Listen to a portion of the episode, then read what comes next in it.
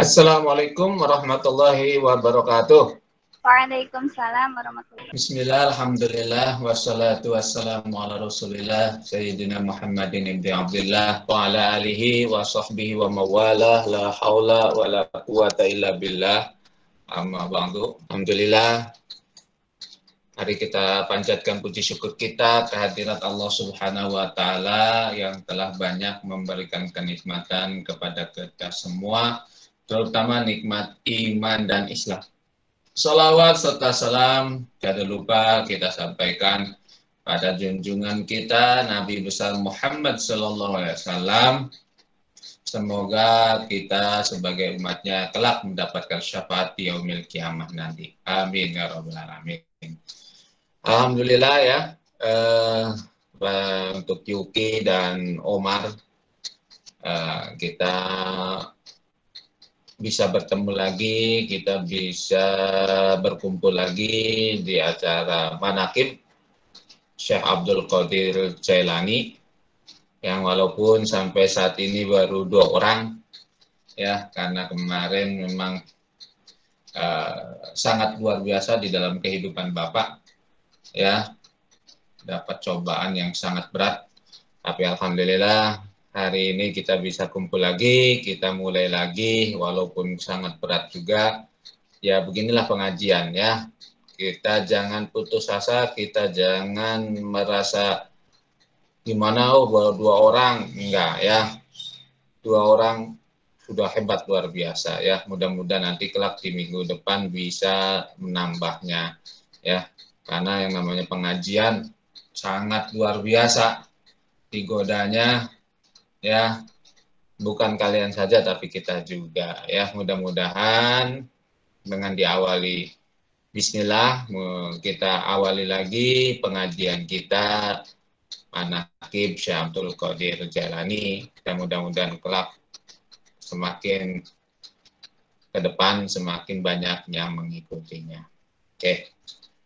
Anak-anakku sekalian, pada hari ini Bapak ingin mengisahkan tentang kisah seorang raja yang bernama Ibrahim bin Adham. Beliau adalah seorang raja. Ya, suatu ketika beliau sedang makan, tiba-tiba ada seekor burung yang mengambil roti ngambil roti di makanan yang disajikan raja ini. Awalnya Ibrahim bin Adham ini tidak tertarik, tapi lama kelamaan karena burung itu ngambil sehingga tertarik. Kok bisa gitu, burung ya sedikit tertarik. Akhirnya ketika sang burung ini ngambil lagi, maka diikuti oleh Ibrahim bin Adham. Ya. Dia kejar pakai kuda, ternyata burung itu menuju sebuah gunung. Nah, ketika dikejar, turun burung ini kemudian dia turun pas di tempat ada seorang laki-laki yang sedang diikat tangan dan kakinya. Ya, burung itu hinggap di dadanya, kemudian roti itu dipotong oleh mulutnya, kemudian potongannya dimasukkan ke dalam mulut dari seorang pria yang ditalikan tangan dan kakinya. Ibrahim bin Adham pun segera menghampiri pria tersebut yang sedang ditali dicopot talinya, kemudian ditanya, siapa engkau? Kenapa ada di sini? Sang pria itu pun menjawab, saya ini adalah seorang pedagang. Suatu ketika tujuh hari yang lalu saya dirampok. Kemudian tangan saya diikat, kaki saya diikat, lalu saya ditinggalkan di tengah gunung tersebut. Kata Ibrahim bin Adam, tujuh hari yang lalu. Iya, betul Tuhan, tujuh hari yang lalu. Ya. Dan saya pun mendapat makanan itu dari burung yang tadi. Ya setiap hari. Ya beliau memberi Allah memberikan makanan lewat Ibrahim pun ibn Adham pun berpikir uh luar biasa. Ya maka beliau kembali ke istananya kemudian mengabarkan ya mengabarkan eh mengabarkan sesampainya di istana Ibrahim bin Adham pun mengundurkan diri sebagai raja tanahnya diwakafkan semua hartanya dibagi-bagikan budaknya dibebaskan. Kemudian beliau ngambil tongkat, pakaiannya diganti dengan pakaian yang sederhana, lalu bertobat, lalu menuju Mekah. Ada sebagian riwayat Madinah. Ya, apa pun itu berarti beliau ke tanah suci. Ya, beliau berjalan kaki dan sampai di tempat tujuannya tanpa rasa kelaparan. Sungguh luar biasa Ibrahim bin Adham. Ini adalah cikal bakal seorang waliullah. Ya, yang bertobat ya dari yang tadinya raja yang luar biasa diktator ya ditinggalkan semuanya hartanya kekayaannya ya kemudian beliau bertobat menuju Mekah sehingga menjadi wali Allah yang terkenal dengan kezuhudannya. Ya, seseorang yang meninggalkan duniawi. Ya. Nah, zuhud ini bukan berarti harus melarat, tidak, tidak ya. Bukan melarat, bukan. Ya, bukan. Yang namanya zuhud itu bukan ingin tidak punya apa-apa, tidak. Ya, nah, zuhud itu sudah ke dunia itu tidak senang, lebih mending ke akhirat gitu gampangannya seperti itu meninggalkan sesuatu yang tidak bermanfaat untuk akhirat ya nah itu zuhud ya nah, apa yang kita petik dari kisah Ibrahim bin Adham ini ya. yang pertama kita lihat bahwa seorang pedagang yang telah dirampok tadi dia tujuh hari yang lalu tetapi apa? Dia tidak kelaparan. Ini Allah sudah menjamin rezeki seseorang. Ya, rezeki seseorang itu bab tentang makan ya, bab tentang makan. Insya Allah kita itu tidak akan kelaparan, tidak akan kelaparan. Caranya gimana? Ya Allah memberi kita makan, ya itu kita serahkan kepada Allah. Kita lihat kisah tadi, orangnya sudah diikat, orangnya sudah tidak bisa ngapa-ngapain, ya hanya terlentang, tangan dan kakinya terikat, tapi Allah memberi makan lewat burung. Yang notabene kalau kita mah gimana begitu ya? Gimana Allah caranya memberi makan? Ya itulah Allah. Ya. Nah, Allah memberi makan, insya Allah kita itu tidak akan ke kelaparan. Karena sudah dijamin di Quran, sudah dijamin. Ya, sudah dijamin. untuk makan. Tapi untuk yang lainnya, nah, ya mari kita. Ya, kalau kalian pengen apa namanya rumah, ya kitanya harus semangat mencari ya ya semangat. Bukan berpangku tangan tidak. Ya bukan zuhud itu karena tidak suka ya itu suka sama dunia ini lalu lantas tidak bekerja. Ya salah begitu Ibrahim bin Adham itu kadang menjadi penjaga kebun. Pernah. Waliullah ini. Ya waliullah jadi bukan berpangku tangan lalu diam saja. Tidak. Tidak. Dulu di zaman Umar ya ketika itu selesai sholat subuh, selesai wirid, semua pada pulang, ada satu orang yang masih di masjid aja. Itu terlihat oleh Khalifah Umar. Oh, Khalifah Umar ngeliatin saja dari jauh. Sampai kalau sekarang mah matahari terbit, masih aja. Sampai matahari setombak, artinya sudah menjelang duha. Masih belum beringsut saja. Dicoba Umar tuh, mendekati orang tersebut. Ya, mendekati orang. Lalu lantas, lalu didengar apa yang dimintanya. Nah, yang diminta, ya Allah, berilah saya rezeki yang banyak, yang halal, berkah, gitu. Nah, begitu tahu dia apa kedengaran meminta rezeki, Khalifah Umar marah. Lalu berkata kepada orang yang dari subuh itu duduk saja di situ. Ya kalau kamu pengen rezeki lebih, ya bekerjalah. Itu jangan doa terus. Emangnya ketika doa terus Allah neplukin gitu? Emasnya kan tidak. Maka Umar mau apa menasihat orang tersebut agar segera keluar dari masjid lalu bekerja ya bekerja nah itu yang namanya zuhud jadi bukan berarti bukan berarti yang namanya zuhud itu bukan berarti apa namanya tidak bekerja atau uh, zuhud itu identik dengan kemelaratan tidak tidak. Anak-anak tidak ya. Tidak. Jadi yang namanya zuhud itu tidak suka ya. Yang namanya zuhud itu ya meninggal uh, duniawi untuk akhirat tapi bukan berarti berleha-leha. Tidak tidak. Yang meninggalkan sesuatu yang tidak bermanfaat untuk akhirat menerima apa adanya. Ya kadang kan kita itu man, namanya juga manusia ya. Kita dikasih motor misalkan sudah bagus beat pengennya vario nah itu tidak menerima.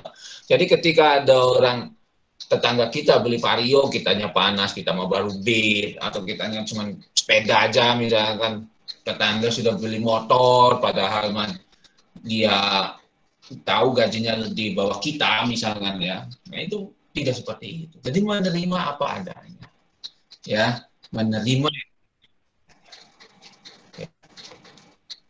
Nah, seperti itu. Nah, itu yang pertama. Ya, yang pertama artinya untuk urusan makan insya Allah. Insya Allah, ya Allah menjamin rezekinya untuk masalah makan. Untuk yang lainnya maka kita harus uh, berusaha ya mencari rezekinya. Ingat yang pernah Bapak katakan dulu ya. Di dalam Quran pernah Allah menjelaskan bahwa Allah tidak akan merubah nasib seseorang kaum ya. Kalau kaum itu tidak mau berubah. Artinya kalau kaum itu diam saja ya takdirnya ya cepat. Ya takdirnya akan seperti itu ya. dulu santrinya ayah ya ada santrinya ayah. Dia itu seorang yang nggak punya. Beliau itu seorang yang nggak punya. Saking nggak punyanya, ya ketika anak yang memerlukan biaya nih, sang santri ini setelah uh, selesai mondoknya, dia ke Bekasi, saking nggak ada biayanya, maka orang tuanya itu menjual halaman depan. Jadi halaman depan itu dijual. Di gambarannya. Jadi kalau di kampung mah ya kan nggak kayak sekarang BTN. Jadi halaman depan itu kan kalau BTN itu kan sempit ya. Kalau BTN atau misalkan geria-geria itu sempit. Kalau rumah di kampung halaman depan itu lumayan agak luas ya. Nah halaman depannya itu dijual. Halaman depannya. Lalu rumahnya itu digotong ke belakang. Agar ada halaman depannya lagi. Itu. Itu gambarannya. Digotong loh. Jadi rumahnya bukan tembok, bukan. Bukan tembok. Rumahnya itu terbuat dari kayu, bambu, Jadi ketika dijual halaman depan, rumahnya sama tetangganya digotong ke belakang. Itu gambaran saking gak punya nih seorang salah satu seorang santri itu. Ya. Nah, beliau itu dulunya kerja di pabrik, pabrik sepatu. Ini santri ini. Hampir lima tahun dia jalani di pabrik. Ya. Dari ratusan angkatan dia yang masuk pabrik itu hanya tinggal di bawah 10. Tapi walaupun sudah hampir lima tahun, dia itu ya dia itu tidak pernah diangkat menjadi pegawai tetap, hanya pegawai kontrakan saja, pegawai kontrak maksudnya. Tapi dia jalani. Cuma di dalam hatinya dia ber, bukan berani, dia pengen merubah nasib saya. Saya tidak mau seperti ini. Saya tidak mau seperti ini. Maka ketika dia masih di pabrik itu, Sabtu dan Minggu dia isi dengan mengikuti kuliah karyawan mengambil jurusan matematika. Setelah berapa tahun, akhirnya dia lulus menjadi S1. Coba. Dari gajinya sebagai pegawai karyawan. Ya. Pada waktu itu gajinya kalau sudah kalau tidak salah sekitar 3 juta. Setelah dia itu selesai kuliah menjadi seorang sarjana S1 matematika, dia keluar dari dari pabrik. Dia ya dan gajinya luar biasa, sangat jauh dari pabrik. Tapi dia merasa yakin kalau jalan itu dia benar. Saya ingin merubah. Gitu. Yang tadinya hanya karyawan, sekarang menjadi guru. Nah, pada waktu itu Bapak guruin eh, sama Santi itu. Kalau jadi guru itu nggak bakalan jadi kaya. Dia senyum aja pada waktu itu tuh. Nggak apa-apa Kang. Kalau ke Bapak ngambilnya Kang Ya nggak apa-apa kang. Saya pengen ngerubah nasib. Tahu gak kamu gajinya berapa? Satu bulan gajinya hanya 600 ribu. Sedangkan di pabrik 3 juta. Jauh. Lima kali lipat. Ya. Karena Bapak tanya, kenapa pengen jadi guru? Enak, karyawan kan enak. Gajinya 3 juta. Enak. Kata beliau, Kang, kalau karyawan disuruh-suruh mulu, Kang, itu kalau karyawan disuruh-suruh dulu. Kalau jadi guru makan terhormat kan. Gitu. Oh gitu. Ya udah, jalanin aja. Eh, makanya waktu itu dia jalanin tuh 600 ribu. Tapi dari gaji 600 ribu namanya guru itu berkah. Kalau dianya ikhlas. Dan Alhamdulillah dia itu ikhlas. Selain ngajar, dia juga privat murid-muridnya yang di S lagi. Melanjutkan S1 mengambil jurusan matematika juga, sekolah S2. Setelah dua tahun dia jalani, akhirnya lulus juga. Dan sekarang beliau sudah tidak ngajar lagi di SD. Dia sekarang menjadi seorang dosen di Universitas di Jakarta. Itu salah satu orang yang mau merubah takdir.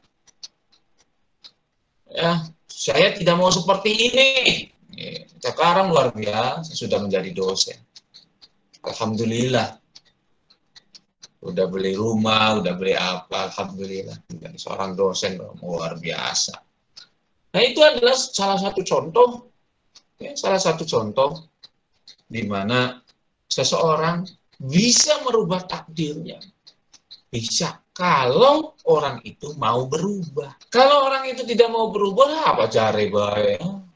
Ya udah. Ah, terserah nanti aja ya udah. Kayak gitu mah nggak rubah-rubah nasibnya nggak rubah-rubah takdirnya.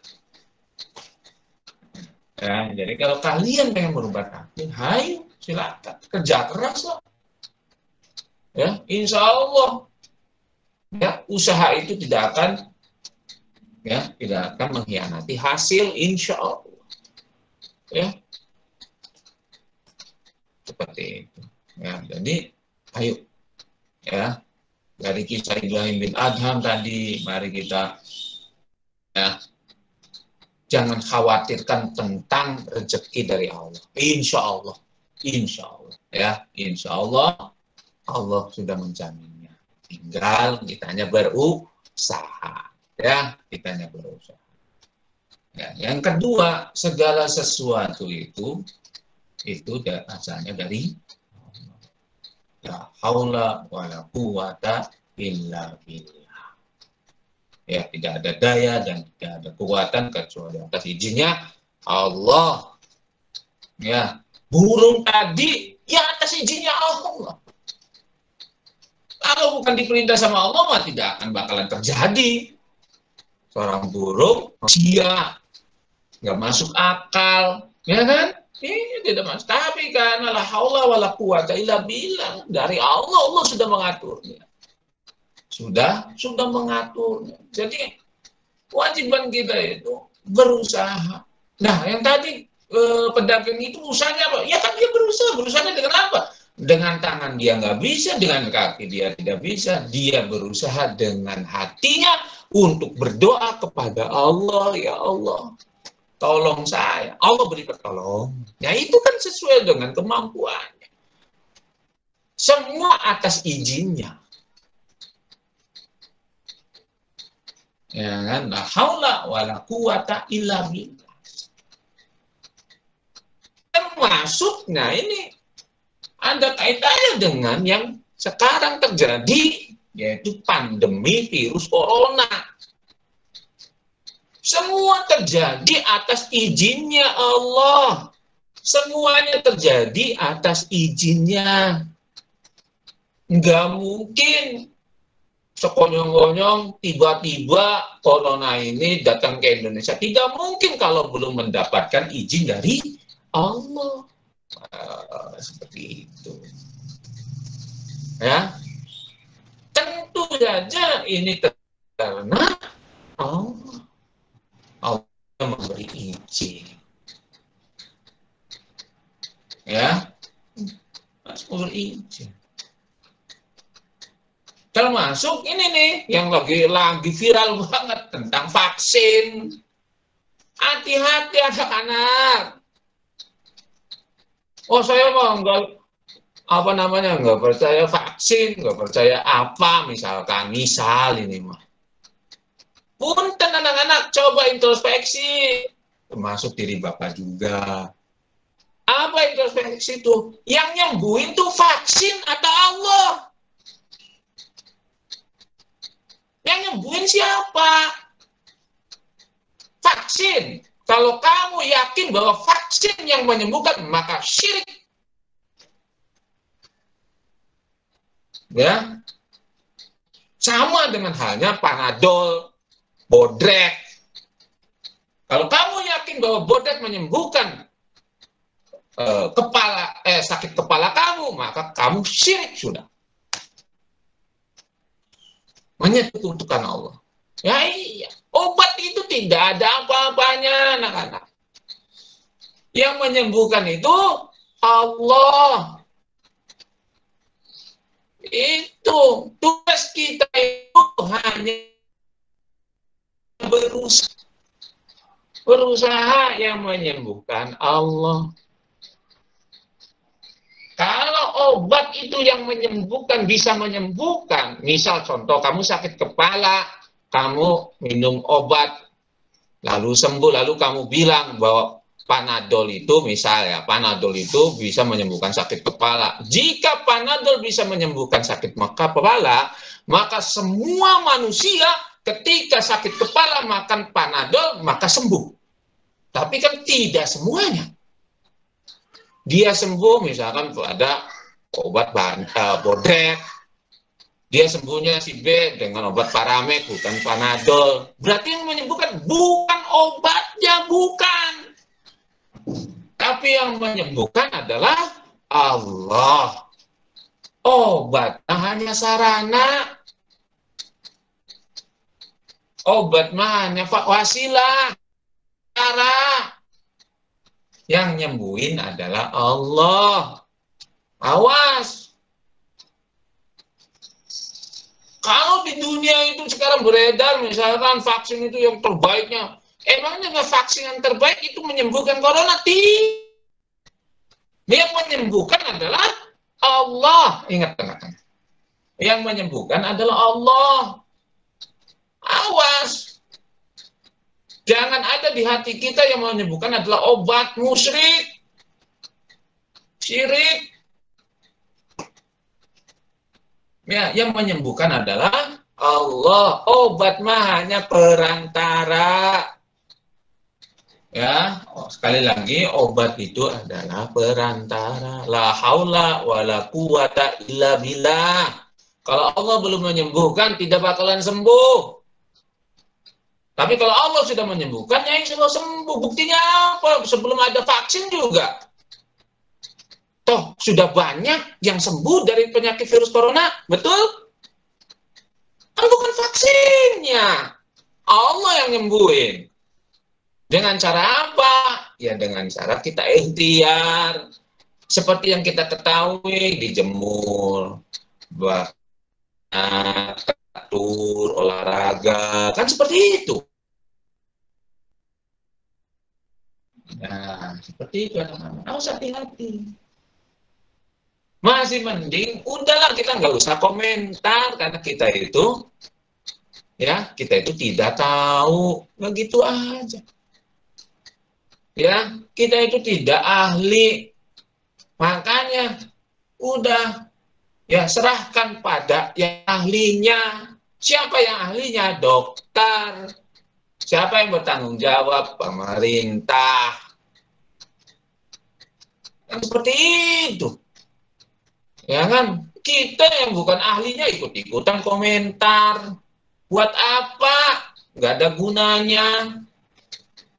Udahlah kita mah introspeksi diri saja. Ya, introspeksi diri. Kita bukan ahlinya, kita bukan pakarnya. Juga kita bukan apa-apanya. Buat apa mulut kita, buat apa jari kita mengomentari yang kita sendiri tidak ahli.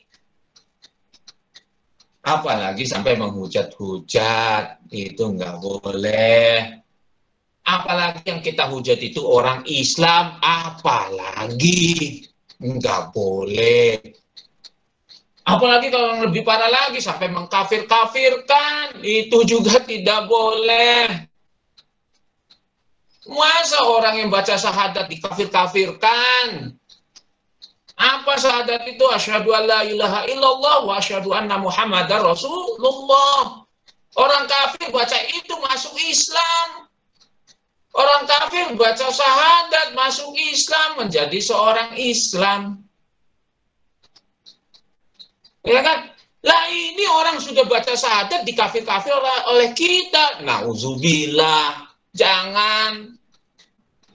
Jangan anak-anak, jangan. Ya. Jangan. Orang dia tuh orang Islam, dia tuh baca syahadat. Ya, nggak boleh kafir-kafir kan nggak boleh. Ya. Emang Islam punya siapa? Kita itu jangan berlaku sebagai Tuhan, apalagi nanti kamu masuk neraka. Emang neraka punya siapa? Ya, neraka itu punya siapa? Aku sebagai Tuhan kita itu makhluk. Jadi jangan pernah mengkafir-kafirkan, jangan pernah kamu itu nantinya masuk neraka. Lah, emang neraka punya siapa? Ya, jangan. Introspeksi diri. Ya, introspeksi diri. Ya, introspeksi diri. Nah, ini. Ya, kembali jadi ya kesimpulan yang kedua dari kisah tadi yaitu segala sesuatu atas izinnya segala sesuatu atas izin Allah Subhanahu wa taala. Ya. Nah, menghadapi virus yang lagi marak ini ya hayu. Ya, hayu. Tugas kita adalah berusaha tugas kita. Yang menyembuhkan adalah Allah kalau yang sudah terkena. Yang belum kena, mari kita doakan. Ya, kita doakan mudah-mudahan saudara kita ya saudara-saudara kita seiman saudara-saudara kita se-Indonesia ya mudah-mudahan ya dilindungi oleh Allah Subhanahu wa taala. Yang sudah terkena mudah-mudahan disembuhkan. Yang belum terkena mudah-mudahan Allah lindungi. Ya seperti itu. Ya anak-anak mudah-mudahan di pembukaan ya ada manfaatnya. Terakhir ya Bapak juga uh, tidak pernah lupa, eh, bukan tidak pernah lupa, ya terus mengingatkan jangan pernah meninggalkan sholat karena yang namanya umur tidak tahu ya. Kebetulan bapak ngalamin sendiri Masya Allah luar biasa ditinggal seorang ayah itu Masya Allah luar biasa ya luar biasa. Paginya itu masih sehat nikmat. Nggak taunya Allah ber, berkehendak lain. Artinya kita tidak akan pernah tahu kapan kita kembali kepada Allah. Kita tidak akan pernah tahu kapan kita dipanggil oleh Allah. Maka oleh karena itu mumpung masih ada umur mumpung sehat hayu sholat. Yang sudah sholat, kualitasnya ditingkatkan.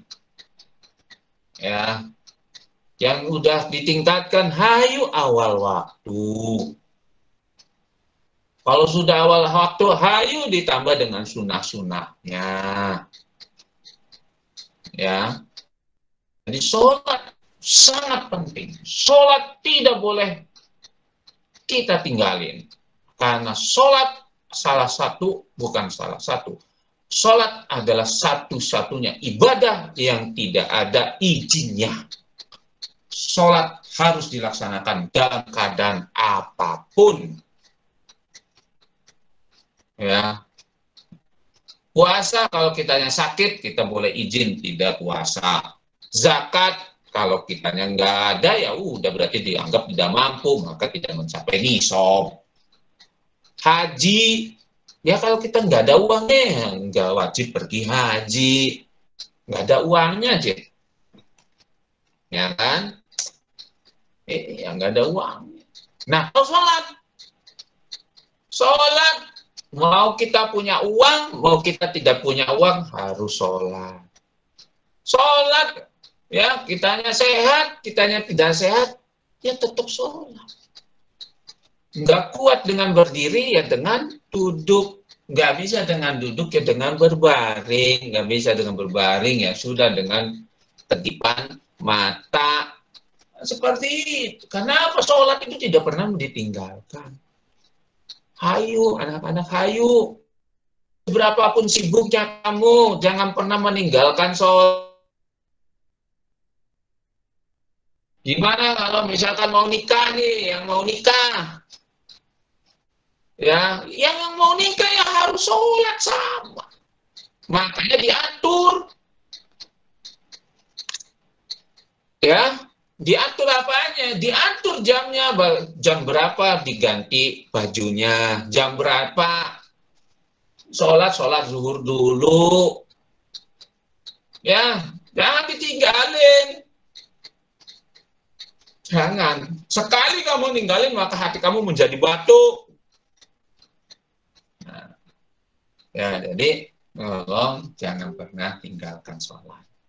Dan sholat bisa membantu kalian, insya Allah untuk memperbaiki atau solusi dari masalah-masalah yang ada di dunia ini. Wasta'inu disobri wassolah. ya kan? dengan sabar dan sholat. Bukan wasobri wazakat. Tidak. Tapi dengan wala, sabar dulu yang pertama baru sholat. Allah, ya masalah apa pun akan terselesaikan. Insya Allah.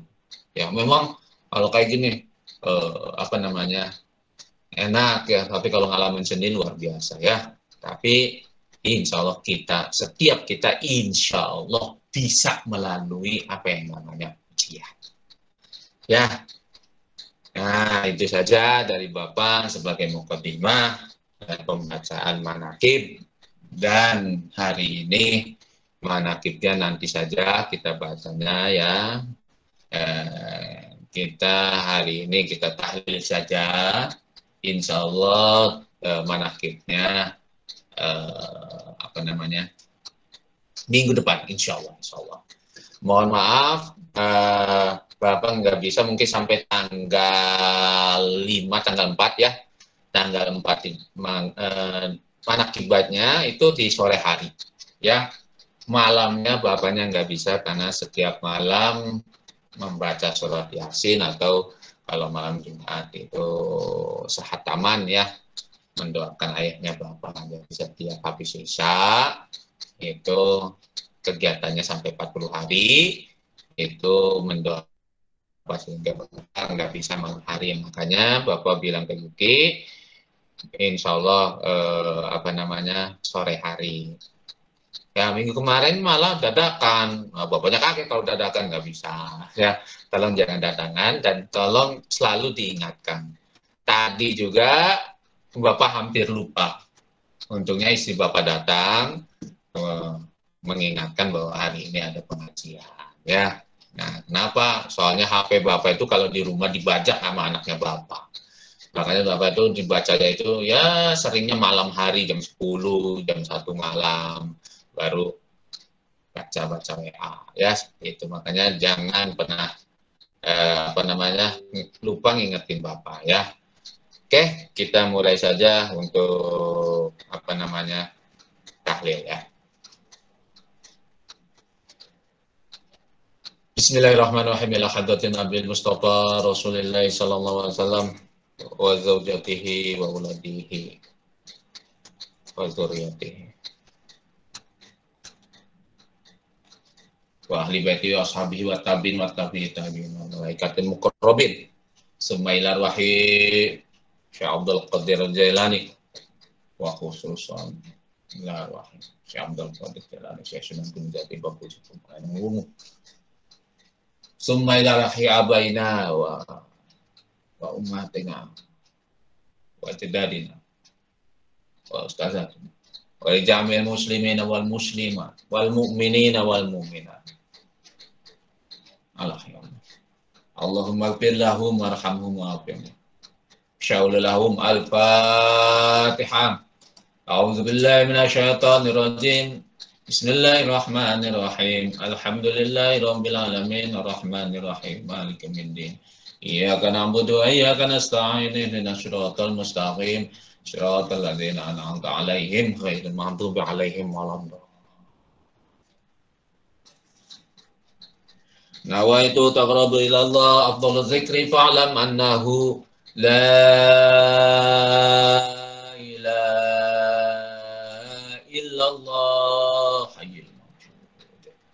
لا إله إلا الله حي الباقي لا يموت. لا إله إلا الله سيدنا محمد رسول الله صلى الله عليه وسلم. لا إله إلا الله لا إله إلا الله لا إله إلا الله لا إله إلا الله.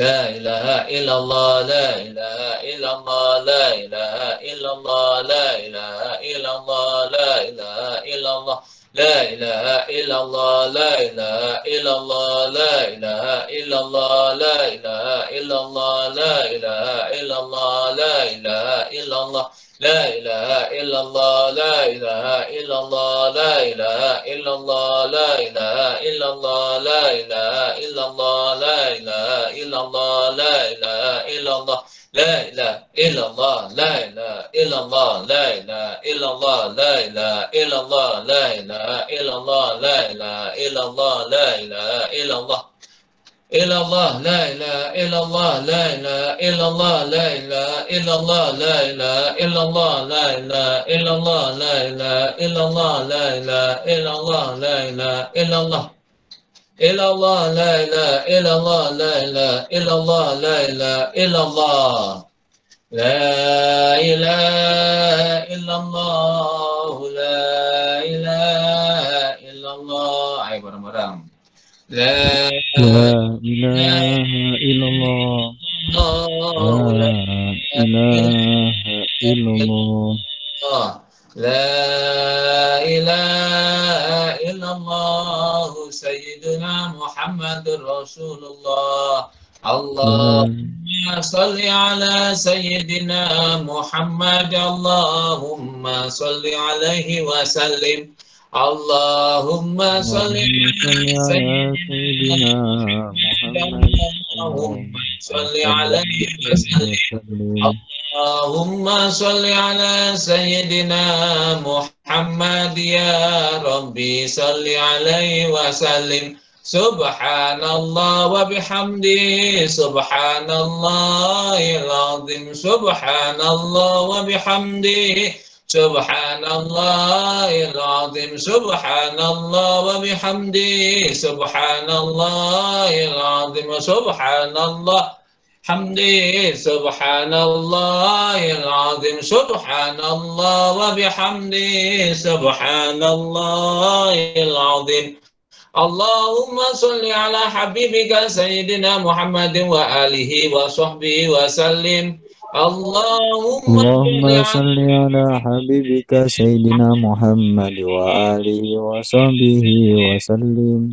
اللهم صل على حبيبك سيدنا محمد وعلى آله وأصحابه وبارك وسلم أجمعين. اللهم صل على أحد الله صمد لم يلد ولم يولد ولم يكن له كفوا أحد. بسم الله الرحمن الرحيم. قل هو الله أحد. الله صمد لم يلد ولم يولد ولم يكن له كفوا أحد. بسم الله الرحمن الرحيم.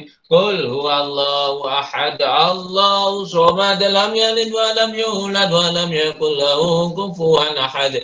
لا إله إلا الله والله أكبر والحمد بسم الله الرحمن الرحيم. قل أعوذ برب الفلق من شر ما خلق من غاسق إذا وقب ومن شر النفاثات في العقد ومن شر حاسد إذا حسد. لا إله إلا الله والله أكبر والحمد بسم الله الرحمن الرحيم. قل أعوذ برب الناس ملك الناس إله الناس من شر الوسواس الخناس الذي يوسوس في صدور الناس من الجنة والناس. لا إله إلا الله الله أكبر. بسم الله الرحمن الرحيم. الحمد لله رب العالمين الرحمن الرحيم. مالك يوم الدين. إياك نعبد وإياك نستعين اهدنا الصراط المستقيم. صراط الذين أنعمت عليهم غير المغضوب عليهم ولا الضالين. Bismillahirrahmanirrahim. Alhamdulillah. Bismillahirrahmanirrahim. Alhamdulillahirabbil alamin. Allahumma shalli ala sayyidina wa habibina wa syafiina wa karimina wa zatina maulana Muhammad wa sallim radhiyallahu tabaraka wa ta'ala sadatina wa sahbi rasulillah ajmain amin ya rabbal alamin. Rabbana zalamna anfusana wa lam taghfir wa tarhamna lanakunanna minal khasirin. Rabbana fil lana jamil muslimin wal muslimat wal mu'minin wal mu'minat al ahya min wa amwat innaka ala kulli syai'in qadir. Allahumma taqabbal wa awsil thawaba ma qara'nahu minal Qur'anil azim wa ma حللنا وما سبحنا وما استغفرنا وما صلينا على سيدنا محمد صلى الله عليه وسلم.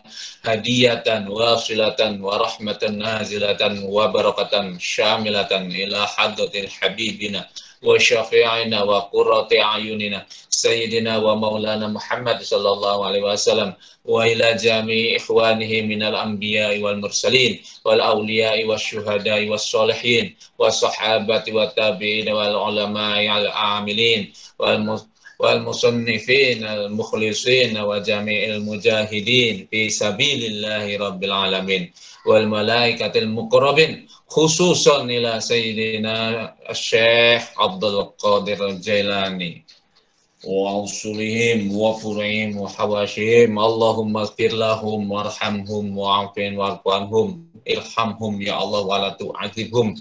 Allahumma la Tahrim ajrahum wa la tahqina ba'dahum wa lana warhum. Rabbana atina fid dunya hasanah wa fil akhirati hasanah wa qina adzabannar. Wa sallallahu ala sayyidina Muhammadin nabiyil ummi wa ala alihi wa sahbihi wasallam subhana rabbika la Rabbana atina fid dunya hasanah wa fil akhirati hasanah wa qina adzabannar. Salamun ala mursalin. Walhamdulillahi rabbil alamin. Bi barakatil Fatihah. Alhamdulillah.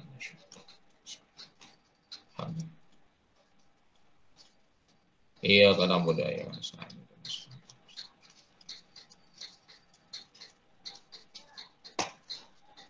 Oke, Alhamdulillah kita sudah melaksanakan tahlil ya.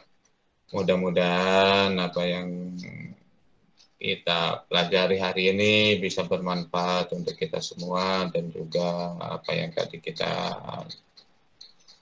uh, apa bacakan tahlil mudah-mudahan Allah terima ya dan mudah-mudahan untuk kita semua yang ada di sini diselamatkan dan disehatkan, dilindungi oleh Allah Subhanahu wa taala dari virus corona ini dan mudah-mudahan virus corona ini segera dicabut dari permukaan bumi Indonesia khususnya umumnya untuk dunia. Ya, itu saja ya. Barangkali seperti biasa ada yang mau bertanya silakan ya. Silakan, silakan. Dipersilakan. Aduh bentar ya. Ini niatnya gimana nih? Bapak lewat HP pesan dalam panggilan. Ini kayak hmm. eh. Eh ya Nanda ya. Assalamualaikum. Waalaikumsalam. Maaf tak bapak. Ya nggak apa-apa ya Bapak mau nanya, Alhamdulillah saya sudah sebulan kerja di PT Produksi Alat Musik. Makasih banyak doanya Bapak semuanya. Tapi Pak, sebelum dapat di PT ini saya gagal dua kali tes Pak. Pas banget yang di PT ini jadwal tesnya sama kayak hasil tes yang ditunggu juga. Saya ngobrol Pak sama sahabat saya. Ya, saya kalau bisa jangan diambil karena itu produksi alat musik Pak. Terus kata saya, iya ini juga cuma nyoba kok. Kalau nggak dapat ya mungkin ada yang lebih baik tahunya Pak, saya nggak dapat PT sebelumnya, alhamdulillah dapat yang gimana ya Pak hukumnya sebelumnya? Apakah nggak berkara saya juga sudah lihat ya, tentang hukum alat musik Pak. Tapi saya masih bingung hukumnya Pak. ya, mohon nasihatnya Bapak. Waduh, ya. maaf berbelit-belit. Wah, iya berbelit-belit. Ya, oke bagus. Ya, pertanyaannya yaitu hukum dari alat musik ya tidak apa-apa. Eh, Iya, tidak apa-apa. Ya.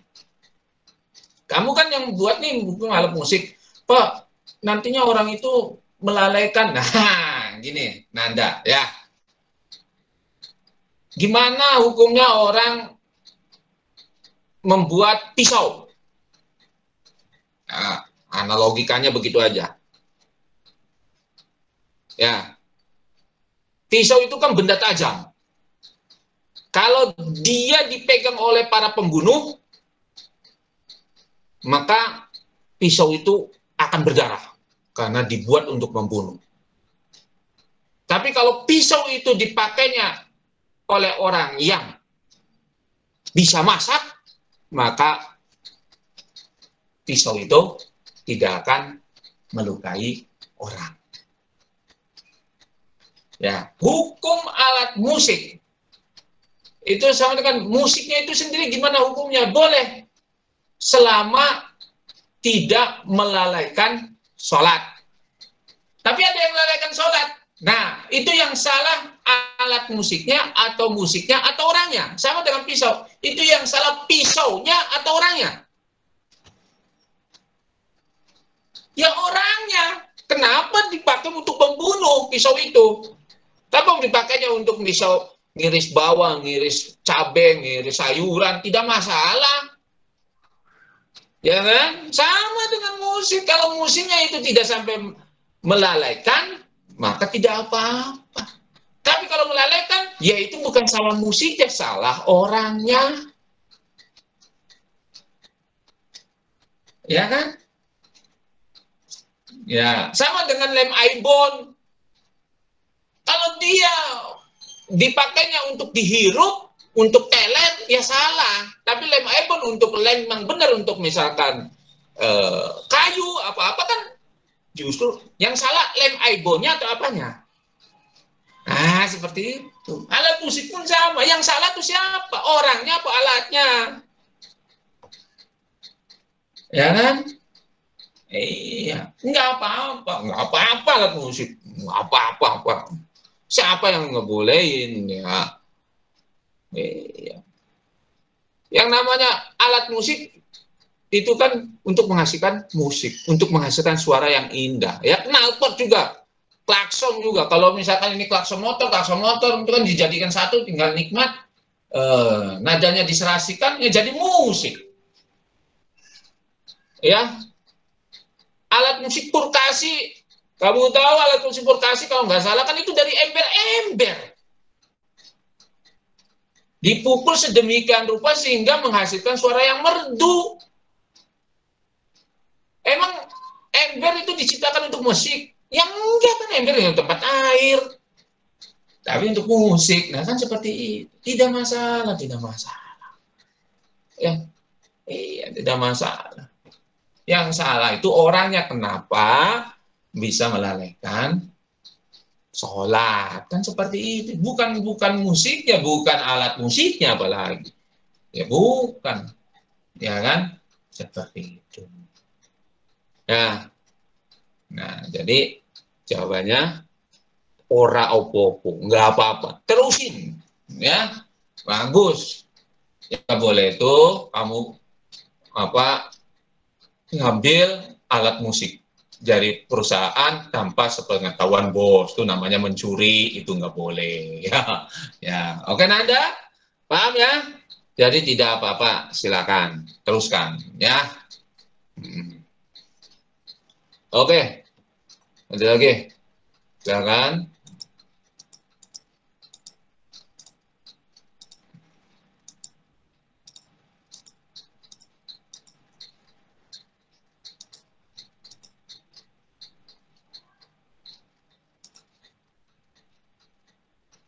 Enggak ada.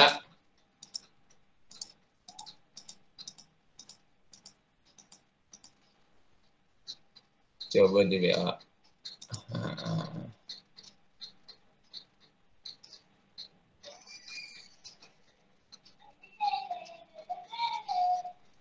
Oke, ada lagi yang bertanya?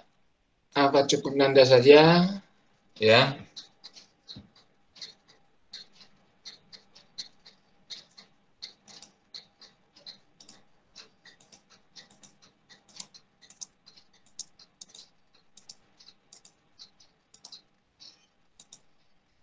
Bagi kalian yang masih mau ya, misalkan liburan, ya protokol kesehatan jangan lupa ya. Namanya ikhtiar, ya ikhtiar. Nur Laila, oh Nur Laila.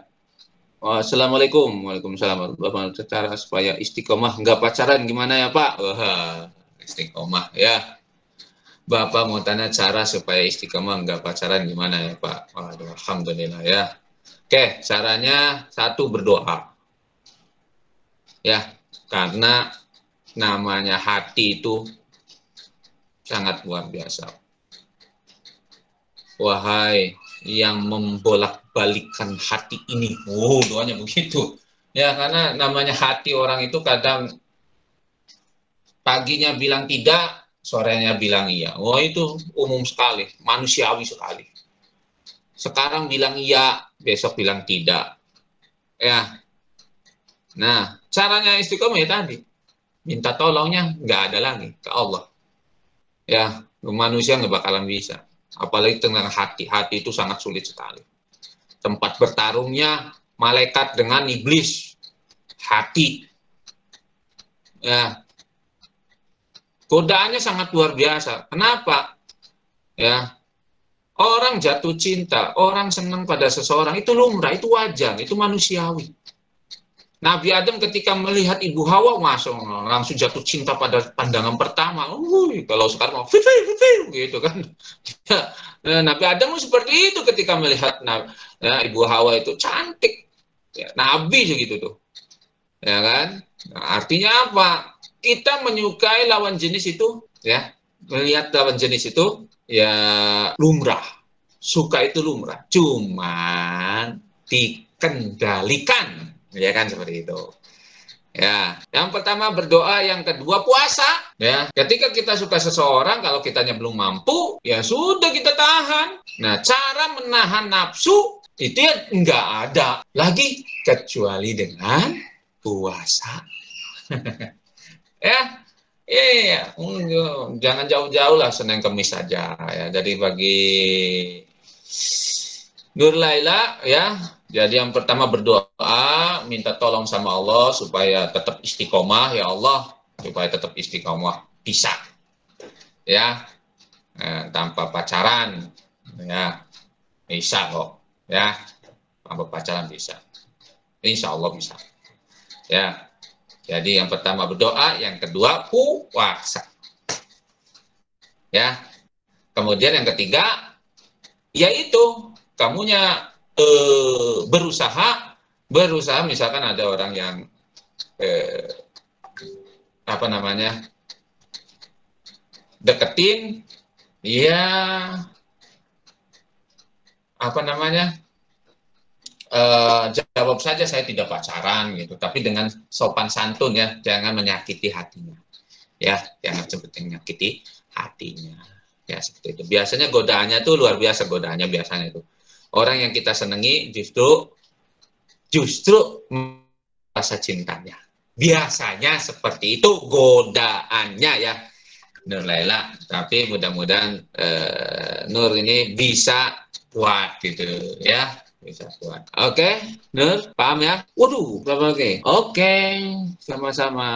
Satu lagi Pak, kalau sholat Jumat biasanya di depan masih banyak yang kosong dan orang banyak juga Pak. Apakah boleh Bapak saat lagi khutbah melewati bawah orang-orang yang sudah pada duduk buat ngisi soft yang masih pada kosong dan kadang sampai ada yang bikin soft di dekat dekat kamar mandi tempat kotor gitu Bapak apakah sah Pak sholatnya di dekat kamar kamar mandi kamar mandi mana? Ah, biasanya di masjid-masjid ya di masjid-masjid itu biasanya jauh dari kamar mandi untuk bisa sholat gitu ya biasanya ya biasanya tapi kan bapak nggak tahu juga ya ya Insya Allah kalau kamar mandi di masjid Insya Allah suci Insya Allah ya jadi jangan ragu-ragu ya Nah untuk yang di soft lah sebaiknya biasanya biasanya para DKM sebelum sebelum uh, khutbah berlangsung biasanya tolong diisi yang soft-soft yang di depan. Biasanya seperti itu ya, seperti itu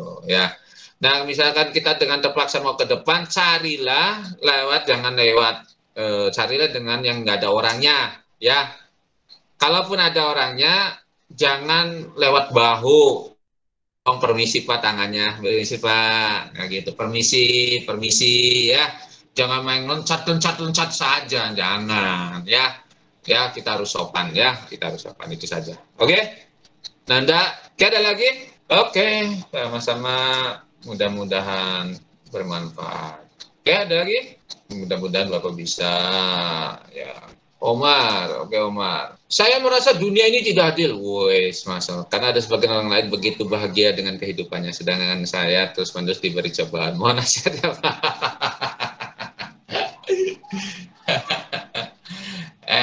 Oke, okay. yang namanya gini ya. Eh, Umar, ya, bagus nih. Umar lagi galau nih, Umar lagi galau. Menurut kamu adil itu apa sih? Ya, serem amat. Oke, oke, oke. Biasa, biasa. Ini lagi kena galau begini ya. Adil itu apa? Adil itu menempatkan sesuatu pada tempatnya. Ya, bukan adil itu sama rata, bukan. Adil itu menempatkan sesuatu pada tempatnya. Contoh, kamu umur 25 tahun. Adik kamu umur 5 tahun. Ya udah, ayahnya, nih jajan buat kamu, kamu nih 50 ribu dikasih 50. Adik kamu dikasih yang umur 5 tahun dikasih 50 ribu. Adil apa tidak? Tidak adil. Kan sama-sama 50 ribunya. Nah, makanya semua 50 ribu itu bukan adil. Kenapa? kebutuhan yang umur lima tahun dengan kebutuhan kamu yang 25 tahun itu berbeda. Makanya yang namanya adil itu adalah menempatkan sesuatu pada tempatnya. Kamunya dikasih 50 ribu, adik kamu dikasih 5 ribu. Itu baru adil. Karena jajannya paling 5 ribu. 500-an, seribuan cukup. Nah, kebutuhan kamu kan bensin. Ya kan? Belum ngerokok. Ya kan? Nah, jadi adil itu menempat sesuatu pada tempatnya. Nah, karena ada sebagian orang lain begitu bahagia dengan kehidupannya, ya bahagia di sini.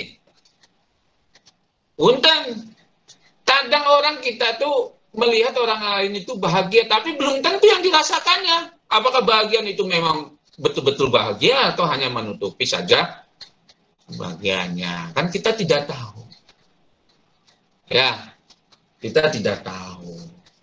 Ya, Apakah semuanya harus bahagia semua? Apakah harus semuanya harus kaya semua? Kalau di dunia kaya semua ya nggak ada karyawan, nggak ada supir, nggak ada tukang ojek, nggak ada tukang dagang, udah udah kaya semua sih. Nggak ada karyawan dong, udah kaya semua. Nah, makanya adil itu untuk ah, adil. Allah itu sangat adil adanya karyawan, adanya orang kaya, sehingga orang kaya bikin perusahaan. Perusahaan untuk karyawan-karyawan, membutuhkan karyawan sampai seribu. Kalau nggak ada orang kaya, ya siapa yang bikin perusahaan? Kalau di dunia ini miskin semua, ya terus siapa nanti? Ya, yang bikin perusahaan, yang bikin, ya kan seperti itu. Jadi ini udah sunatullah, ada yang kaya, ada yang miskin. Ada yang lagi bahagia nih hari ini, ada yang lagi sedih ditinggal ayah. Gitu, itu adil. Ya, jadi adil itu menurut kamu gimana kalau ya? Ya orang lain bahagia. Apakah kalau kamu kalau kita sedang kalau kita sedang stres atau kalau kita tidak bahagia apakah orang lain harus tidak bahagia juga? Kan tidak ketika kita kita tidak bahagia ada orang yang bahagia. Kenapa? Untuk menjadi penasehat. Udah kamu yang sabar ya. Ya. Ya kan? Seperti itu. Kalau orang lain tidak bahagia boro-boro nasehatin temennya. Yang dianya sendiri lagi sedih. Suruh bilang jangan sedih ya. Lagi sedih nggak mungkin. Jadi yang bisa bisa nasehatin itu orang yang lagi bahagia. Teman kamu lagi bahagia, kamu lagi sedih. Nah teman kamu nasehatin kita kan seperti itu. Ya, ya. Nah tentang cobaan, semua kalau di dunia ini cobaan semua di sana tidak cobaan. Semuanya cobaan semua. Orang kaya cobaan, orang miskin cobaan. Ya, Ayahnya masih ada cobaan untuk berbakti. Ayahnya sudah tidak ada bagaimana menjalin silaturahmi. Cobaan. Kalau di dunia ini cobaan, sampai kapan pun sampai mati juga cobaan. Yang nggak ada cobaan itu hanya di akhirat, yaitu di surga. Kalau udah di surga sudah tidak ada cobaan. Ya, kalau cobaan, awas hati-hati. Kita juga harus tahu mana cobaan, mana peringatan, mana hukuman. Awas hati-hati. Ya, jangan dikira kita itu kalau oh, ini cobaan buat kita lah orang kagak sholat, kagak puasa, bilangnya ini cobaan. Ya bukan cobaan. Kalau itu mah, itu namanya apa? Hah? Bisa hukuman, bisa teguran. Bukan begitu. Cobaan itu hanya untuk orang-orang beriman. Contohnya, ya, udah sholat, sholatnya wakal, ya tepat waktu, bahkan dengan rawatibnya, malamnya tahajud, siangnya duha, ya, eh dia belum dapat kerjaan. Ya itu ujian namanya. Gimana tuh? Sholatnya rajin terus apa berhenti kan begitu diuji oleh Allah itu namanya ujian Tapi kalau kitanya sholatnya masih abal-abal, kita sholatnya masih bolong-bolong, puasanya tidak full, nggak pernah sodako, dikasih masalah, ya itu mah bukan cobaan namanya. Bisa hukuman, bisa juga teguran. Ya, seperti itu. Nah, gitu. Nah, kalau misalkan cobaan, ya Alhamdulillah kenapa? Tidak ada suatu cobaan kecuali Allah akan memberi kemudahan. Ya kan? Di surat Alam Nasrah laka sadrak wa wadana anka wizrak allazi anqadha zahrak wa rafa'na laka sikrak. Fa in al usri yusra di balik kesulitan pasti ada kemudahan. Sesungguhnya di balik kesulitan ada kemudahan. Sampai dua ayat tuh. Kesulitannya sekali, kemudahannya dua kali. Insya Allah orang yang mendapat cobaan, insya Allah mendapat ujian, dia akan mendapatkan kemudahan dua kali. Ya, satu kesulitannya, dua kemudahannya. Insya Allah itu. Bukan Bapak yang ngomong, Allah yang ngomong. Fa inna ma'al usri yusro, inna ma'al usri yusro. Sesungguhnya di balik kesulitan pasti ada kemudian eh, kemudahan. Di ayat yang lain, la tahzan, innallaha ma'ana. Janganlah bersedih. Sesungguhnya Allah beserta kita. Wow, hebat sekali ayat tuh. Ya, setelah itu wasta'inu bisobri wasolah. Dan mintalah pertolongan kepadaku dengan sabar dan sholat. Yang pertama sabar, berat sabar itu berat. Hanya orang-orang yang beriman, berat. Baru sholat.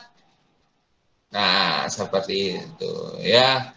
Jadi dunia bukan tidak Allah itu sudah adil. Sangat adil. Nah, jadi insya Allah itu mah hanya pikiran dari dari godaan setan saja sehingga kamu tidak tidak menerimanya. Nah itu godaan setan ya. Omar, yang kuat, insya Allah, inna Allah ma'ana. Sesungguhnya Allah beserta kita. Jangan khawatir, tidak boleh putus asa orang beriman. Inna ma'al usri yusra. Eh, fa inna ma'al usri yusra. Inna ma'al usri yusra. Di balik kesulitan ada kemudahan. Insya Allah, insya Allah. Yang yakin Allah itu akan menolong kita semua. Dengan cara apa? Dengan cara yang pertama sabar, yang kedua sholat. Mantap. Ya, begitu Omar.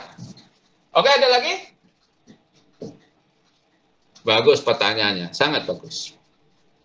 Jadi yang yakin bahwa Allah beserta kita, yang yakin Allah itu ya sayang sama kita, yang yakin la tahzan innallaha ma'ana. Jangan bersedih, ya Allah beserta kita. Tenang saja, ya tenang saja, ya. Oke? Ada lagi? Silakan. Ya, sama-sama. Ya. Oke, ada yang mau ditanyakan? Tidak ada, ya. Kalau tidak ada, ya. Oke. Terima kasih untuk semuanya, ya. Wallahu alam bisawab yang benar datangnya dari Allah, yang salah tentu dari diri pribadi Bapak yang doif ini. Terima kasih semuanya.